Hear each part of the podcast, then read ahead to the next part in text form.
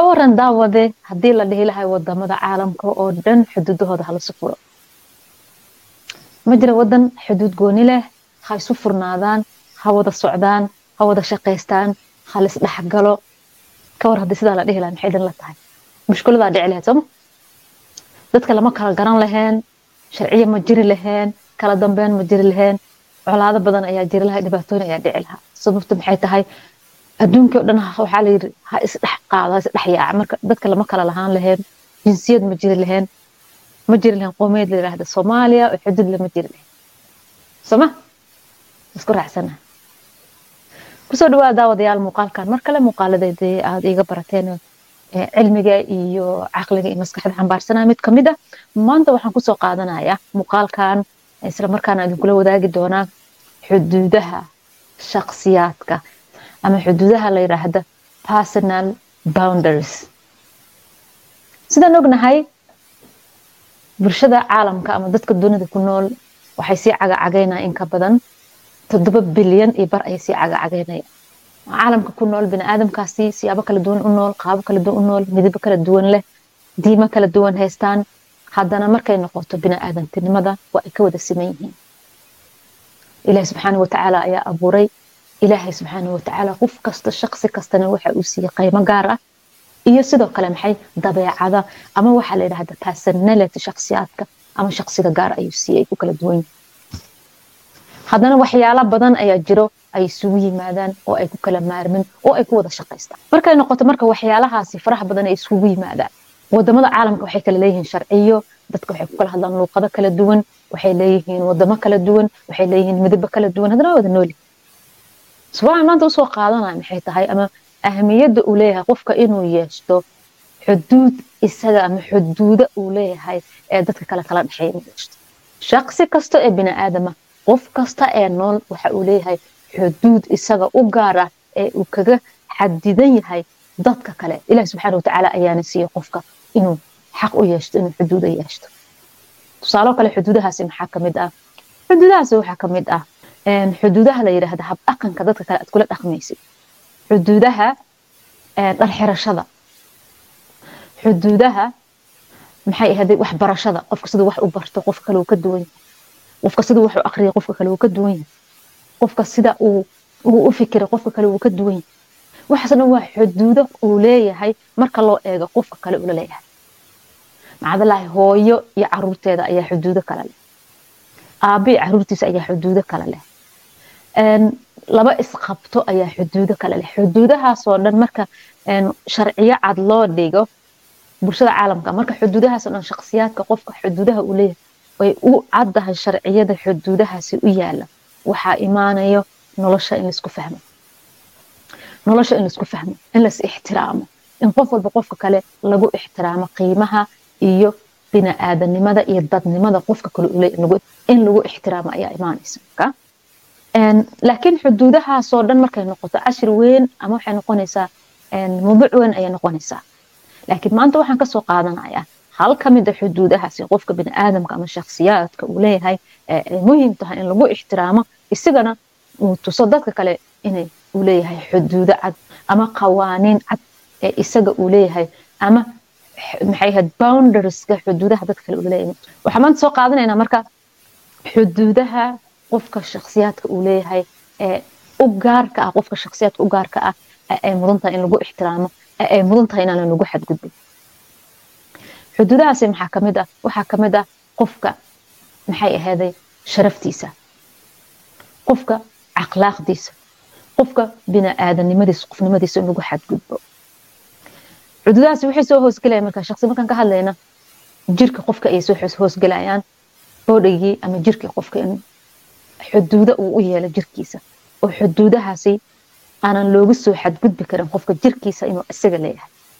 Sidoo kale habdhaqanka qofka waxyaalaha dabeecadda qofka uu leeyahay ee marka gurigiisa jooga habka u labisto habku dharka isaga bedelo waxyaalaha uu jecel yahay gurigiisa qofka sidii u habaysto markuu gurigiisa ku jiro uu jecel yahay sidoo dharka meelaha uu dhigo jikadiisa qofka siduu u nidaamsado qolkiisa siduu u nidaamsado waa xuduudo isaga uu leeyahay uu kaga duwan yahay dadka kale oo ay munaasab tahay islamarkaana in lagu ixtiraamo oo aan lagu faragashan. Xuduudahaasi marka aan soo qaadanayna maxaa ka mid ah? Mushkuladaha ugu badan dhibaatada soomaaliya ama dadkeena soomaalida haysato waxa weeyaan xuduudihii shakhsiyaadka aan kala lahayn. Inkastoo dad muslim aan aha xaqiiqdii laakiin markaad aad si u eegto waxaad moodaa diinta inaanan ku dhaqmin.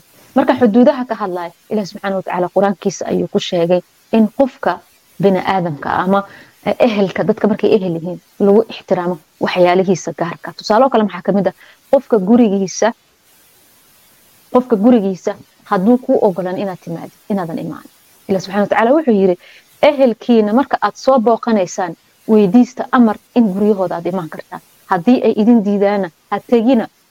Soo sidaa ma ahayn ha waa inaad weydiistaan amar ka weydiistaan guryahooda inaad imaan kartaan haddii maya idin dhahaana ku ixtiraamo oo ha tegina taas maxay ka mid tahay qofka xuduudihiisii ayay ka mid tahay oo aad taqaano haddii walaashay maanta ay isoo wacdo oo igu tiraahdo waan kuu imaanayaa suuqan soo aaday xaafadaada agteedaan imaanaya soo mari waan kuu imaanaya oo aan idhahdo maya iima imaan kartid xaq ayaan u leeyahay. Maxaa gurigayga aniga iskale waqti la isoo booqan karay waqti aan isoo booqan karin ay xuduudaha ii gaarka ah ee ay mudan tahay in lagu ixtiraamo dadka kalena ugu ixtiraamaan gabadha ama qofka bini aadamka shaksiyadiisa inaad gudagashid isaga oo amar aadan ka helin. Waa xuduuda qofkiisa qofkan xuduudiisa inaad gudagashid adiga oo amar ka helin. Maxaa ka mid ah? Maanta social media markaad gashid haddii facebooka aad wax ku soo qortid ama youtubeka aan idhaahda aad wax soo gelisid dad baa kula soo xiriiraya sooma badanaana ragga ayaa u badan qodobkaasi. Markay kula soo xiriiraan waxay kuleeyihiin abaayo ma kula hadli karaa ma lagu qabaa xaas miyaa tahay taas micnaheeda waxa weeyaan markaa in ay xuduudahaadii ku soo xadgudbeen iyagoo amarkaa qaadani. Maxaa yeelay gabadha haddii ay social mediaha soo gasho ama social mediaha lagu arka micnaheeda maa inay nin raadinayso. Haddii ay raadinaysana ninkay raadinaysa inaad adiga taha ma ogid adiga daf daf iska soo dhihin sida dafaagii waa khalad macnaha waxyaalaha qaladka ah ama xuduudaha laisaga xudgudbo ayay ka mid tahay. Kaba soo qaad maanta. Soomaaliyaad joogtaa waxaad doonaysaa inaad ku gudubtid xuduudda kenya inaad tagtid ama xuduudda etoobiya inaad tagtid. Ma iska geli kartaa adoon sharci wadanin ma geli kartid. Shaksiyadda qofka bini aadamkana waa saas kale. Xuduudaha qofka bini aadamka ule iskama geli kartid ilaa amar aad ka heshid waayo haddii gabadha aad doonaysid inaad la hadashid ama doonaysid inaad weydiisid in la qabo iyo in la qabin iyo afaarahaasi waxay u baahan tahay dariiq dheer inaad u soo martid kow inaad isbarataan meesha joogto gabadha inaad baratid inaad isu sheegtid qofka tahay waxaad qabatid inaad u inaad ku faraxsan tahay barashadeeda ay muhiim tahay dadka inay isbartaan ay wax kala faa'iidaan maadaama bulshada luuqad ku hadlaysa ay yihiin ama iyadana waxyaalaha muhiim soo dhigto oo aad adiga ugu bogaadinaysid ku mahad celinayso waqti dheer kadib ayaad dhihi kartaa ama aad oran kartaa walaale su'aal ma ku weydiin karaa adiga kugu saabsan waa goorma marka aad waqti dheer taqaanid dhihi kartaa ma ku weydiin karaa su'aal adiga kugu saabsan. Taas micnaheeda maxaa weeyaan? Gabadha xuduudaheeda waad ilaalisay. Sharciyada u yaalla ama xuduudda u yaalla waad ilaalisay. Adigana xuduudahaadii xadgudub maadan samaynin si wanaagsan ayaad ku gashay xuduudeeda oo sharciyaysan taas waa muhiim dhalinyarada soomaaliyeed. Tan kale markaan ka hadlo oo tusaalo kale in guryaha laiska soo galo la soo garaaco iyadoon amar la haysanin xuduud la'aanta ah dumarka ayaa inta badan u badan. Welibana dumarka wadankii jooga wadamadan qurbaha dadka jooga sharci ayaa u yaalla guryaha ama sharci waxaa jiro guud ay dadka bartaan ama dadka caadiyan ah oo haddii aad ku soo xadgudubto dowladda lagugu dacweyn karo. Marka dadkii in yar in yar bay ula qabsadeen ma garanaysaa sharciyadii qofka ilaa aad soo wacdid oo aad ballan ka samaysatid ama maalmo ka hor aad u sii sheegtid inaad u imaanaysa magi gurigiisa iskama imaan kartid. Laakiin wadankii maanta waxaa ka jiro guud ahaan africa dadka jooga inay dadka iska soo dhexgalaan inay qofka u dhaadhacaan gurigiisa qolkiisa jiifka in la tago dharkiisa in qofkii la qaado.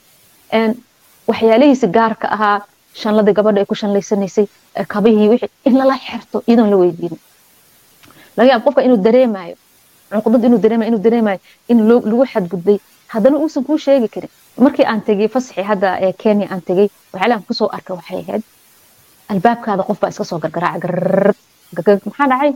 Waxaasaan rabe cusub mukaa hila maxay ahaday qofka dalqa gurigaada kuusoo dalbana jikada isu gudbaya qofkii fadhigaada iska soo fadhiisana maanta dhan kuu sheekayna adiga kumaa talagelin qofka inuu kuu imaado qofka dariska aad tihiin gurigaada ayuu dalaq iska soo leeyahay wuxuu ku dhaafaya musqushaadii kuma weydiisana wuxuu kuu dhaafayaa qolkaada jiifka wuxuu leeyahay wuxuu leeyahay xitaa miiskan intu kuma habooneen maxayta tv halkan maxaad u dhigtay waa waxyaalaha khaladka ah ee qofka xuduudiisa loogu xadgudbo. Qofka hadduu kula dagaalamo xaq buu u leeyahay. Maxaa yeele xaduudihiisii ayaad amar la'aan gashay.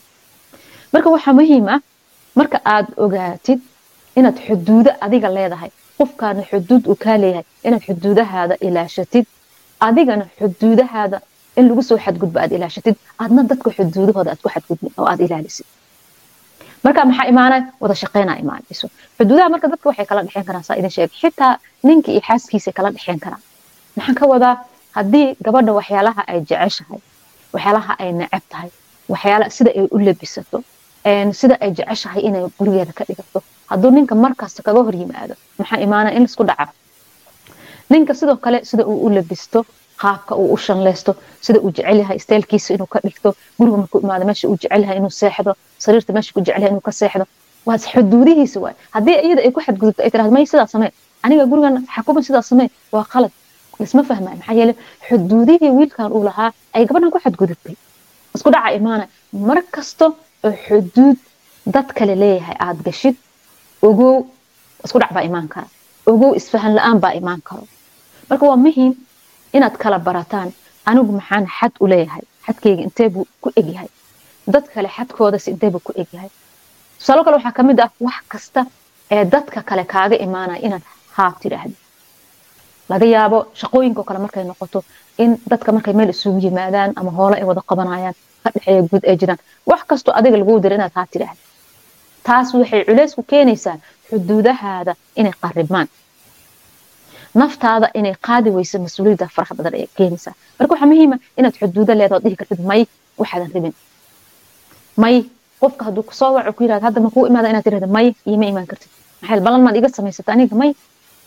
Aniga hool baan qabsanaa jadwalaan leeyahay waqtigaan ku socdaa waqtigeyga inaad iga dhexgashid ma rabo. Haddii aad doonaysa inaan wax kuu qabto haddii aad doonaysa inaan ku caawiyo diyaar ayaan kula ah. Laakiin waqti hore iisoo sheego. Waxaa imaanaya kow dadka horta inaan cuqdad la kala qaadan. Qof walba xuduudihiisa lagu ixtiraamo oo la ogyahay qofkan inuu maya dhihi karo haana dhihi karo. Waxaa imaanaysa marka labaad in ay noqoto dadkii ay noqdaan dad ma garanaysa wanaag iyo horumar gaaro maxaa yeele qof walba haddii xuduudiisa uu ilaashado waqtigiisa uu ilaashado xuduudihii lasaga soo gudbi jira uu xirto wadankiisa dhexdiisa ayuu wax fiican ka qaban karaa taas micnaheeda maxaa marka? Naftaada dhexdeeda ayaad wax fiican ka qaban kartaa waxbaad baran kartaa cilmiyaad kordhisan kartaa waqtigaada baad meel fiican ku bixin kartaa micno daradii iyo sheekadii iyo meela iska aadkii ayaad ka raysanaysaa. Waqtigaada qiimayso marka. Waxaa marka taagan su'aasha ah xuduudahaasoo dhan ama waxyaalahaas aan soo sheegnay mushkuladaha bulshadana way ku dhex jiraan. Gurigaada lasaga soo kaa dhaafo oo lagugu ixtiraamin. In shaksiyadaadii iyo saad u labisatay lasaga soo kaa dhaafo oo la yiraahdo horta xaluu horta marka ay khamaarka xiranayso maxay sidaa ugu xirataa markasta oo ay soo fariisanayso khamaarkii bay sidaa u xirataa madax sidaa buu ka yahay wejigeeda sidaa wey in laguga mashquulo xuduudahaada la soo galo. Macnaha labada qof isku mid ma ahaan karaan gabadha maanta idaawanaya adiga idaawanaysid sida aad adiga u labisatid iyo sidaan aniga u labisto labay kala taa maxaa yeele aniga xuduudaan lay labis ah. Adna xuduudaad leeda labis ah. Haddii xuduudaada labiska aad rabtid inaan aniga u labisto macquul ma noqonayso. Saad adiga khamaarka ama xijaabka u xiratid inaan aniga u xirto macquul ma noqonayso waa kala duwana maxaa yeele aniga waxaa le shakhsiyaad gooni ah siyaabo gooni ay xuduudahayga iigu dhisan yihiin. Xuduudaha labiska xuduudaha maxay ahaday hadalka xuduudaha maxay ahaday akhlaaqda xuduudaha maxay ahaday socodka xuduudaha maxay wax kasta aniga gooniya ii yihiin waa kaa duwana adigana sidoo kale waad iga duwanta inaan idhaahda maaha maxay sida sidayda camal maxay u noqon weyse sidayda camal maxay ugu labisan weyse halkaa kan maxay u saari inaan idhaahda maxaa yeele xuduudahaada adiga aad dhigatay kuwa aniga aan way ka duwan yihiin shaksiyadda iyo dabeecadaha adiga aad leedahay iyo kuwan aniga leba kala duwan noloshoo dhan waa sidaa markaa noloshoo dhan waa hee waa sidaa maxaa muhiima markaa si dadka ay isu fahmaan si dadka u wada shaqeeyaan si dadka u wada noolaadaan si hooyada caruurteeda ay isu fahmaan hooyada caruurteeda waa inay fahamtaa ilmaheeda inay ku qasabta ma aha sida iyada jeceshahay inay wada sameeyaan markay boundarieska noqoto xuduudaha markay noqoto. Ilmaha asa xuduud samaysanaya xuduudda u samaysa waa in lagu ixtiraamaa marka. Sidoo kale hooyada xuduudaheeda waa inuu ilmaha ixtiraamaa cid kasta dadka wada nool iyo kuwa waxa wada shaqaynta ka dhexayso iyo kuwa wada kulmo iyo kuwa wada shaqaysana san sheeganay bulshada waa oceans bad weyn waay caalamka oo dadka caalamka ku nool iyo dabeecadahooda iyo habdhaqankooda marka mid walba xuduudihiisa waa in lagu ixtiraamo si aan taa u sameyna marka mushkuladaha way dhex wareegsanayaan xuduud la'aan tahay inaan dadki iska dhex inaan shab soo dhexdhexno inaan qofki iskala hadalno inaan iska maagno inaan dadki iska caayno maxay ahaday inaan ku mashquulno maxaa imaanayso ilahay ka fogaashaa imaanayso dembiye badanaa lagu gelaya ama dunuub badanaa dadku gelaya haddii qofka uusan diin reebta lahayn. Qofka hadduusan akhlaaq wanaagsan uu reebto uusan lahayn. Wixii iska dhexgelaya mid kale waxaan waxaa keenayso caadooyinka caadiga ee wadankeena dadka aan naga horreey aan ka dhaxalna ayaa keeni karto. Waxay noqon kartaa la qabsi waxaad la qabsato ama caado aad la qabsatay noqon kartaa. Laakiin haddii la dhaho marka haddii caadooyinkaas xun aan ku jirno ama habdhaqankaas aan ku jirno xuduudaha isaga dhaafno anagoon sharci noola siinin isaga dhaafno anagoo ogolaasho u helin waxaan u baahnaa xal marka? Maxaa xal ah ayaan u gudbaynaa marka? Adduunku wax kasta waxa fiican mushkulad kasta marka la helo in xal loo helo ayaa muhiima xalka muxuu noqonayaa marka? Xalka wuxuu noqonayaa kow marka ugu horeyso marka aad adiga horta isqiimeen ma tahay qof dadka xuduudahooda iskaga gudbo isaga oo ogolaasho weydiin isweydiin bug iyo qalin qaado ama warqad iyo qalin qaado. Ogow amuuro kasta oo aad xalinaysid waxaa muhiim ah lambar one inaad aad hadal ka dhigin ee aad qoraal ka dhigtid. Lambar one waa qoraal. Haddii aadan qoraal qaadanin weli xalkii ma haysid lambar waa qoraal. Buug iyo qalin ama buug iyo aan idhahda buug warqad iyo qalin qaado markaad isdul saartid waxaad tidhaahdaa horto aniga waxaan xalwo ay sheegaysa ma qabaa xanuunkan ma qabaa xuduudaha aan isaga gudbo anigoon amar haysanin ma qabaa kow dadka guryahooda ma iska galaa iyagoon amarka haysanin isweydii shaksiyada ama dadka kale marka aan waddada maraayo ama aan arko dadka kale ma i dhibaan oo ma dhahaa maxaysaan ugu labisan yihiin maxay sidaa ugu socdaan sida aniga u socdo ama saamay dhahaan saamay sameeyaan. Wax kastoo aad daawato dadka ma dhaliishaa. Dadka kale qaab dhaqankooda hadalkooda waxqabadkooda wax soo saarkooda ma dhaliishaa ma tahay qof dadka dhaliila. Ee markasta dadka ku dhegan haddii aad tahay qof dadka dhaliila xanuunkan ku haya marka oo ah xuduud la'aanta ah. Adna aad xuduuda lahayn dadkana ay xuduuda kale ay isaga kaa wareersan yihiin xuduudaha ama boundarieska dadka aad la leedahay. Sidoo kale waxaad isweydiisaa ma dareemaa marka aan dad bulsho soo dhexgalo in wax kasta culeys kasta anaan dhabarkiis ka saaro.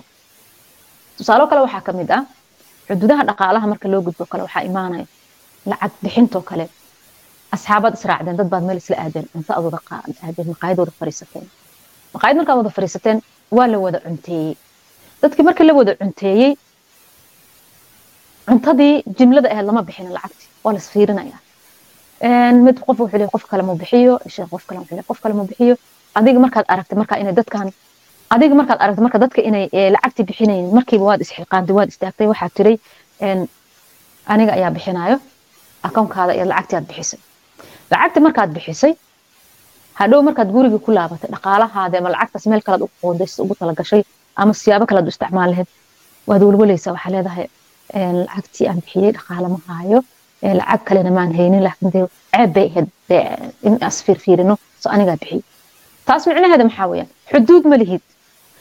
Adigu xuduud ma lihid. Waayo sababta xuduud u lahayn waxa weeyaan markay noqoto dhaqaale markay noqoto dadkan meesha soo wada fariistay qof kasta waxa uu leeyahay qorsho dhaqaale ama bajed dhaqaale ayuu leeyahay. Ama bilaha u ahaado ama maalinlaha u ahaado. Hadduu qofka meesha soo fariisto marka micnaheeda ma aha adiga bajedkaada inuu soo galo haddii marka hore aad ku sii tashanin sababta xuduud la'aana meesha ka jirta markaysa laakiin marka ugu horeysa horta intaad maqaayada gelin isweydiiya ma haysanaa qarashka ma bixin karnaa. Cuntada aan dalbanayna maqaayada ama shaahii ama cuntadii ma haysanaa adi maxaad haysataa adi maxaad haysataa isu geey lacagtii isweydiiya qorshe samaysta markaa markaa kadib qofkii lacagtii intay noqon leed hala arko. Markaa kadib cuntada dalbada. Maxaa imaanaya markaa inaad xuduud leedina imaanayso waxaa laga yaabaa inaad isdhahdaan xalwo waxay ka talinaysaa inay dadka baqiil noqdaan. May baqiilnimo ma aha. Inaad maya baratidaan rabaa. Xuduudaada inaad baratidaan rabaa. Wixii xaq lagugu leeyahay inaad bixiso waxaan xaq lagugu lehayna inaad tidhahdid maya ayaan rabaa. Fahmaysaa? Waayo adiga waxaa tahayba ka soo qaad qof shaqaysto waxa uu shaqaysto bishii qoondo ayay ugu jiraan. Kirada gurigaad bixinaysaa biilashaad bixinaysaa noloshoo dhanaad bixinaysaa hooyo ayaad lacag siinaysaa waalidiinta ayaad wax u diraysaa. Soo haddii marka maqaayadii la fariistoba aad lacag bixisid xagee baad ka keenaysaa markaa lacagta? Irsaaqada ilaah baa bixiyo laakiin adiga isqayme waxaa la yidhi qofkaan tashanin waa loo tashtaa dhaqaalahaada waa inuu kuu qaymaysnaada waa inaad noqotid qof dhaqaalihiisa u qorshaysan yahay meesha wax kaga baxayaan sooma cashiro horaan kaga soo hadlay qofka hadduusan dhaqaalihiisa u qoondeysneen meeshuu arka wax isaga bixiyo rabitaan uu isaga bixiyo doonis uusan ku bixin maxaa ku imaanaysa inuu weligiis horumar gaarina ku imaanayso weligaa inaad horumar gaarina ku imaanayso waxaad sadaqaysanayso waa inaad ugu talagasho inaad sadaqaysatid waxaan sanadkan maalintii intaasaan sadaqaysanaya sadaqo laakiin qof maqaayad kula soo fariistay laga yaaba isagoo jaabkiisa inuu buuxo inaad bixisid adiga lacagta dhabarkiis ka saartid macquul ma noqonaysa waa qaababka xuduudahaada lagu ogaaday ka tahay haddii marka meel inta lasugu imaado aad lacagta dhabarkiis ka saaratid hadhowna aad dhihi doontid markaad guriga tagto naftaada aad canaanan doonto dhihi doonto xageen lacagtaa ka keenaya maxaa ii saariyey taas micnaheeda waxaa waye naftaada ayaad dibka canaanan doonta maxaa yeele xuduudkaadii ayaad gaftay soo isqaymee dadka markay meesha fadhiyaan cuntada aad bixisay hadhow inaadan ka shalaayin doonin cuntada aad agoodi kartid isqaymee haddaad agoodi kartid markaa bixi. Sadaqo weeyaan sooma laakiin haddaa agoodi karin waa xuduudahaada ilaaliso soo marka isweydii haddii aad aragto inaad tahay qof lacagta iska bixiyo aan xuduud lahayn aan xuduud u sameynin xuduudaha maxay ahayd dadka kale u dhexeeya aan lacagta u sameynin dhaqaalaha isaga iska bixiyo ha lagaa sheego wax u bixiyo haddaa tahay maanta laga bilaabo waa inaad joojisaa. Marka waxaan ogaanay waxaan qaadanay buugii qalinkii ama warqadii? Iyo qalinka ayaan qaadanay. Waxaan ogaanay inaan ahay ama inaan ahay qof aan xuduud lahayn oo wax kastoo dadka iska soo geli karaan. Haddii jirkiisa la taabto aan now dhihi karin. Jirkayga hadduu taabto nin rag ah anigaa laga rabaa inaan dhah now kuma banaano. Inaan xuduud leeyahay waa inaan tusaa sooma ha xuduud inaad leedahay waa inaad tustaa wadamadan hormare gabdhaha waxaa la baraa markay yaryar yihiin ay gaaraan afar sano ilaa lix sano inta udhexayso waxaa la baraa inay jirkooda iyaga leeyihiin. Oo aysan cidna ku soo xadgudbi karin ilaa ay u ogolaadaan mooyaan so marka norwejiga badanaa waxay dhahaan marka gabdhaha gabadha markay yar markaa la hadasho ama la sheekaysa lix sano markay gaarto jag är kroppen min. Jag är kroppen min. Macnaha taas waxay ku tusaysaa aniga ayaa jirkayga iska leh xuduud ayuu ii leeyahay. Qofna iguma soo xadgudbi kara ilaa anigu iga amar qaato mooyaane. Taasoo kale soo gelaysa marka isweydii adiga buga qalinaad qaadatay waad ogaatay ina xanuunka inuu ku hayo oo xuduud la'aanta ah. Maxaan sameeya markaa markaan ogaaday? Lambar lambarka koowaad waxaan dhahnay bug qalin qaadanayna lambar koo lambar laba. Lambarka labaad maxaan sameynaynaa lambar two waxaan leenahay waan ogaanay. Xanuunka inahaya ogaan xanuunka inahaya wuxuu yahay xuduudahayga aniga xuduudaha aan leeyahay iyo xuduudaha dadka kale iima kala saarno xuduuda la'aan ayaa i haysato. Lambarka labaad waan ogaanay inaan xuduuda la'aan nahay okay marka lambar saddex waxaan sameynaya waxaan sameynaynaa marka maxay? Xuduudo ayaan samaysanayaa waxaan leeyahay maanta laga bilaabo. Waan ogaaday inaan xuduud la'aan maanta laga bilaabo. Waxaan samaysanayaa xuduudahayga aniga ii ah ee igala dhexeeya dhammaan cid kastoo aan xiriir la leeyahay. Waxaan samaysanayaa xuduudahayga jireed waxaan samaysanayaa xuduudahayga labiska. Waxaan samaysanayaa xuduudahaygii maxay gurigayga iyo noloshayda dadka kale ani nagala markay noqoto markaa xuduudaha jireed aniga qofna iguma soo xadgudbi karo ilaa amar uu iga helo aniga. Markay noqoto xuduudaha xiriirka dadka kale shaksiyadeyda qofna kuma soo xadgudbi karo ilaa aniga amar uu iga helo marka maxaa lagaa rabaa inaad adiga marka xuduudo samaysa bilowda xuduudo ayaad samaynaysaa lambarka saddexaad. Dhammaan xuduudahaada iyo dadka kaala dhexeeyaad samaysanaysaa. Qof kastoo xuduudaha ay kaala dhexeeyaana ee aad la kulantidna waad u sheegaysaa. Aniga xuduudahaas ayaa aan leeyahay. Xuduudahaas qofka hadduu iiga soo xadgudbo waan isku dhacaynaa maxaa isugu dhacaynaa naay maya ayaan leeyahay markaan maya dhah qofka isku dhacaysaan marka ugu horeyso laakiin qofka waa inuu ku barto waxaan inaadan rabin oo aad diidi kartid oo aadan marnaba u ogolaanin inaad ku barto. Okay lambar saddex xuduudaan samaysanay. Marka lambar afar maadaama xuduudihii aan samaysanay waxay rabaan xuduudihii in la hirgeliyo sooma lambar afar maxaa inoo xigo lambar afar waxaan samaysanaynaa caadooyinkii noo fududeen lahay xuduudahaasi inay hergalaan lambar afar maxaan iri waxaan samaysanaynaa caadooyinkii noo hergelin lahaa xuduudahaasi inay noo hergelaan maxaa ka mid caadooyinka? Caadooyinka waxaa ka mid ah in aad dabeecada inaad bedeshid habdhaqankaada hornaad wax ka bedeshid oo aad tiraahdid okay aniga maadaama xuduudo samaysanaya waa inaan wax ka bedelaa maxay ahayd dabeecadahaygii hore oo aan dadka aan la shaqeynay u sheega oon idhaahda maya waxaan rabin. Sharciyadeyda ama qawaaniinteyda kuma jiraan. Maya ama ha kaa ogolaado ama ha kuu xanaaqo ama ha kuu xumaado isku day inaad maya dhihi kartid. Haddii aad qarashkao dhan adiga bixin jirtay maanta waxaad tidhaahdaa maya aniga ma bixinaayo. Qof walba mas'uuliyadaa saaran mas'uuliyaddiisa dhabarka ha saarto. Hadday ka noqon weyso maha aan qaybsano mas'uuliyadda. Laakiin keligaa inaad wax dhabarka saaratid mas'uuliyad darro ayay kugu tahay. Iska ilaali markaa. Jooji maya baro ku dhaqan markaa marka ugu horeyso ee wax aad samayn jirtay ee aad jecleed ee aad ku fiicneed aad joojinaysid maxay tahay? Caqabada ayaad la kulmaysaa. Dadka way ku caynayaan waxaa lagu dhahaa way kibir badan tahay waxaa lagu dhahaa wuu ilbaxay waxaa lagu dhahaa horumar ayuu gaaray waxaa lagu dhahaa lacag ayuu helay waxaa lagu dhahaa wuu isla weeyahay waxaasoo dhan dheg jalaqa u siinin maxaa yeelay adi xuduudo ayaad samaysatay qofnaha ku xadgudbin qofna yuusan kuga soo xadgudbin. Dadka wanaag kula dhaqan wax wanaagsan u sheeg si wanaagsan ula dhaqan waxay rabaan markay ku soo wacaan waqtigii ay ku soo wacaan ku ballameen waxooda u qabo shaqadooda u qabo laakiin u sheeg waxaad tirahdaa aniga haddaadan isoo ballansan waqti aadan iisoo sheegin ma isku soo kay haleyn kartid aniga time ayaan ku socdaa waqtigayga wuu ii qorshaysan yahay. Timekayga igula soco. Haddaa igula soconayni macsalaama taas maxaa imaanaysa markaa in lagugu ixtiraamo waxa wanaagsan ee maxay ee naftaada aad la doonaysid bulshadaadan aad la doonaysid. Qofna xumaan ha u geysan. Qofna xumaan ha la aadin si wanaagsan ee cadaalad ku jirta daacad ku jirta ugu sheeg qofka haddaad doonaysana aniga wax kuu qabto waqti hore isoo ballanso haddii wixii emergency ay yihiin isoo wac ii sheeg maya haddaan ku dhaho macsalaama waa maya haa haddaan ku dhahana waa kuu samaynaya laakiin iskama soo dalaq dhihi kartid aniga sidoo kale gurigeyga iskama soo geli kartid ilaa maa amar aad iga heshid isoo wac maalin hebel makuu imaan karaa waqti hebel makuu imaan karaa haa haddaan ku dhaha imo haddaan may ku dhaha iima imaan. Kartid soma waa inaad xuduudahaada caadooyin ka dhigatid ee aad ku dhaqantid dadka ay kaa arkaan si ay kaaga wareegsadaan iyagoo kugu ixtiraamay hadday kugu ixtiraami waayeen adi dantaada ma aha. Ugu dambeyn way ku qasban yihiin inay kugu ixtiraamaan maxaa qof walba dhaqankiisa iyo dabeecadihiisa oo lagu ixtiraamaa lambarkaas shanaad waxaan samayn karnaa inaad aqbashid inaad aqbashid oo aad tidhaahdid. Maanta laga bilaabo maxay? Waxaan bedelayaa dabeecadahaygii hore. Waxaan samaysanayaa xuduudo. Nafteyda caqabado badan ayay la kulmi doontaa. Caay badan ayaa la kulmi doontaa. Waa inaad u adkaystaa nafteyda waa inaad maskaxdaada ka dhaadhicisid in ay u fikirtaa maxay? Inay hadda xuduudo leedahay. Inay u fikirtaa dadka inay xuduudo ay isaga yeesho. Maanta laga bilaabo naftaadii inaad la falgashid ood la sheekeysatid mar kastoo maskaxdaada aad la sheekeysatid mar kasta oo naftaada aad la sheekeysatid ee aad maskaxdaada wax ka dhaadhicisid maskaxdaada way ku aqbalaysaa.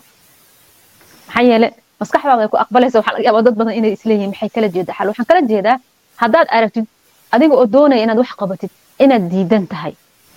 Oo maskaxdaada shucaac uu ku shidan yahay dhahaysa may waxaan ma sameeya walaac uu ku jira aad aragtid. Maxay tahay maskaxdaada way diidan tahay waa negative ay ku tahay xasaasiyaday ku qabtaa si marka maskaxdaada xasaasiyad ugu qaadan mawduucan aad wax ka bedelayso waa inaad aqbashaa waa inaad tidhaahdaa maanta laga bilaabo waxaan wax ka bedelayaa xuduudaha aniga iyo dadka kale inoo dhexeeya waxaan samaysanayaa xuduudo cadcad oo dadka kale ay igu fahmaan igu bartaan oo aniga aan leeyahay dadka waxaan ka samaysanayaa xuduudo aniga aan leeyahay qofkii xuduudkayga ku soo xadgudba ama sharci ahaan igu soo xadgudba waa iska qabanayaa waana iska celinayaa maxaa markaa imaanayo? Naftaada marka inay aqbasho. Sidoo kale waa inaad naftaada aqbalsiisid awal hore waxaan aad samayn jirin. Maxay? Ma waxaa kaa maqnaa maadan fahansaneen cilmiga iyo aqoonta iyo sidaad maanta u fahantay ma aad fahansaneen waaye arag uma aadan lahayn. Ma aadan ogeyn laakiin haddaan ku baraarugay maadaama hadda aan ku baraarugay waa alxamdulilaahi maanta laga bilaabo noloshayda waxbaan ka bedelayaa. Xuduudahayga waan ilaashanayaa cid kastoo xuduudahay ku soo xadgudubtana runta ayaan u sheegayaa. Si aan uga badbaado biniaadamka shartooda mushkuladahooda dhibaatooyinkooda isku dhaca anaga iyaganaga dhexdeena si aan uga badbaado xuduudo ayaan samaysanaa.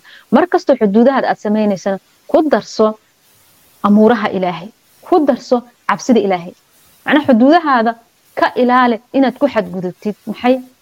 Inaad ku xadgudubtid ilaahay subxaana watacaala wuxuu ku faray xuduudahaada waa inay ahaadaan mar walba waa inaad qiimaysaa xuduudkan aan samaysanayo haddii sida aan sameyn ilahay muxuu ka yidhi. Ilaahay subxaana watacaala marka aad qur'aankiisa aragtid wax kastoo dhaqankeena ka mid ama nolosheena ka mid ah step by step subax markaan sariirta ka soo toosna ilaa habeenka aan ka sexina tilaabadan qaadayn ilahay wuu noo sheegay qur'aankiisa ayuu noogu sheegay. Wixii wanaagsan iyo wixii xun.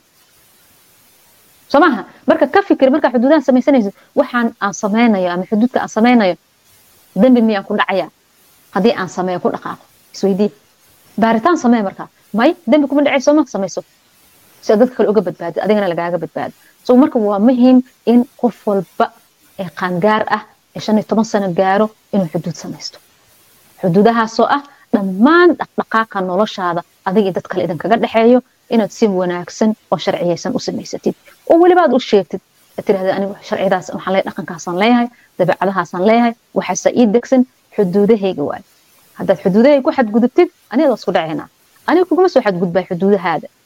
Laakiin ha igu soo xadgudbin. Igu ixtiraam waa kugu ixtiraamaya. Qofka kugu ixtiraam wuu la qabsanaya. Caadi u noqonay. Sababaha aan cashiradan u soo qaadanaya maxay tahay? Waxaan rabaa bulshadeena inay noqoto dad mushkuladaha soo laalaabta iska xaliyo dad dhibaatooyinka aan dhammaadka lahayn iska xaliyo adduunka ma jiro waxaan xalloo helin. Ilahi subxaana watacaala qur'aankiisa ayuu noogu sheegay mushkulad kasta inay xal leedahay. Oo ay u baahan tahay si caqliyaysan in loo fariisto loo xaliyo marka mushkuladaheenaan iyo dhibaatooyinkeenaan maadaama dad muslim aan nahay maxay u soo badanayaan? Dhibaatada maxay noogu soo nonoqonay qoysaskeena maxay u kala tegayaan dagaalada maxay nooga dhammaan layihiin waxyaalahaasoo dhan in la taabto waa muhiim arrimaha bulshada. Waa xuduud samays la'aantaa ka mid ah. Waayo haddii dadka ay xuduudo kala lahayn maxaa dhacay? Isku dhaca imaanay isdila imaanay markii la isdila maxaa imaanay? Dhibaataa imaanaysa mushkuladii cuqdadaa imaanaysa cuqdad markay timaado in la kala caaro la kala colaad badan meesha ka dhacdo. Sanado iyo sanado iyo sanado. Iyo weliba qarniyo qaadto waxyaalahaasoo dhan marka waxaan rabnaa dhallinyaradeena soo kacayso ama dhallinyarada cusub hadda soo kacayso yaryarka ah inaysan qayb ka noqonin oo aysan ku noqonin maxay caqabad noloshooda hor istaagto. Marka hadaad qof dhallinyaro tahay ka faa'iidaysa xuduudahaada inaad ilaashatid dadku xuduudahoodana ha ku xadgudbin. Ilaale oo ixtiraam. Qof walba ixtiraamka uu kugu leeyahay iyo markaad hadlaysid saa ula hadlaysid waa inaad ay ku caddahay ee aad saxataa. Asxaabta janaalkayga ku xiran waxaan idin leeyahay haddii muuqaalkan aad ka heshay subscribe ee qaybta hoose. Sidoo kale sii shargaraysi u gaara dadka kale